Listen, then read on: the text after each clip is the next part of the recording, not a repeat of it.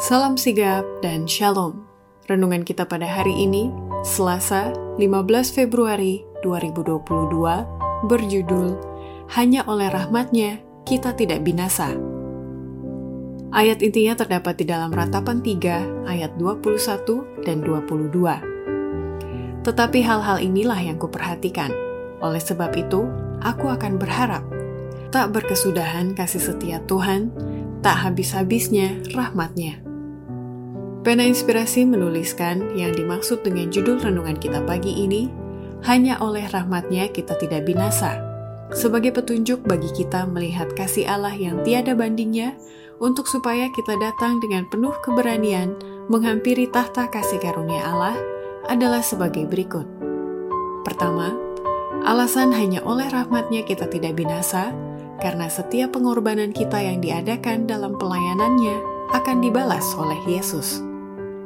Setiap pengorbanan yang diadakan dalam pelayanannya akan dibalas sesuai dengan kekayaan rahmatnya yang berkelimpahan. Kedua, alasan hanya oleh rahmatnya kita tidak binasa, oleh karena melalui kasih karunia Kristus, kita bisa dikuatkan dan berkembang menjadi dewasa dan sempurna di dalam dia.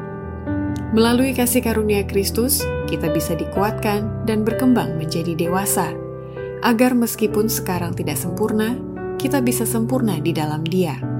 Kita telah menggadaikan diri kita sendiri kepada iblis, tetapi Kristus datang untuk menebus kita. Kita tidak bisa membeli apa pun dari Allah. Hanya oleh kasih karunia, pemberian cuma-cuma Allah di dalam Kristus, maka kita selamat. Ketiga, alasan hanya oleh rahmatnya kita tidak binasa, karena agama Alkitab akan menuntun kita memiliki roh tidak mementingkan diri sendiri, dan mau menolong orang-orang yang kurang beruntung ketimbang diri kita sendiri. Jikalau kita memiliki agama Alkitab yang benar, kita akan merasa bahwa kita berhutang kepada Kristus dalam kasih, kebaikan, dan minat terhadap saudara-saudaranya.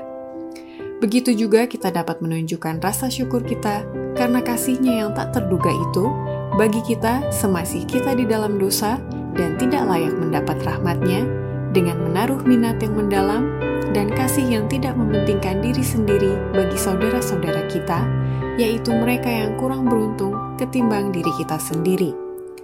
Keempat, alasan hanya oleh rahmatnya kita tidak binasa, karena janjinya tidak pernah mengecewakan orang-orang yang menaruh ketergantungan kepadanya. Tuhan adalah penolong kita, tidak seorang pun yang pernah percaya kepada Allah dalam kesia-siaan. Ia tidak pernah mengecewakan mereka yang menaruh ketergantungan padanya. Kalau saja kita mau melakukan pekerjaan yang Tuhan ingin agar kita lakukan, melangkah di jejak kaki Yesus, maka hati kita akan menjadi kecapi suci. Setiap senarnya menyenandungkan lagu pujian dan syukur kepada Dia yang diutus oleh Allah untuk menghapus dosa ini. Demikianlah renungan kita pada hari ini. Kiranya Tuhan memberkati kita semua.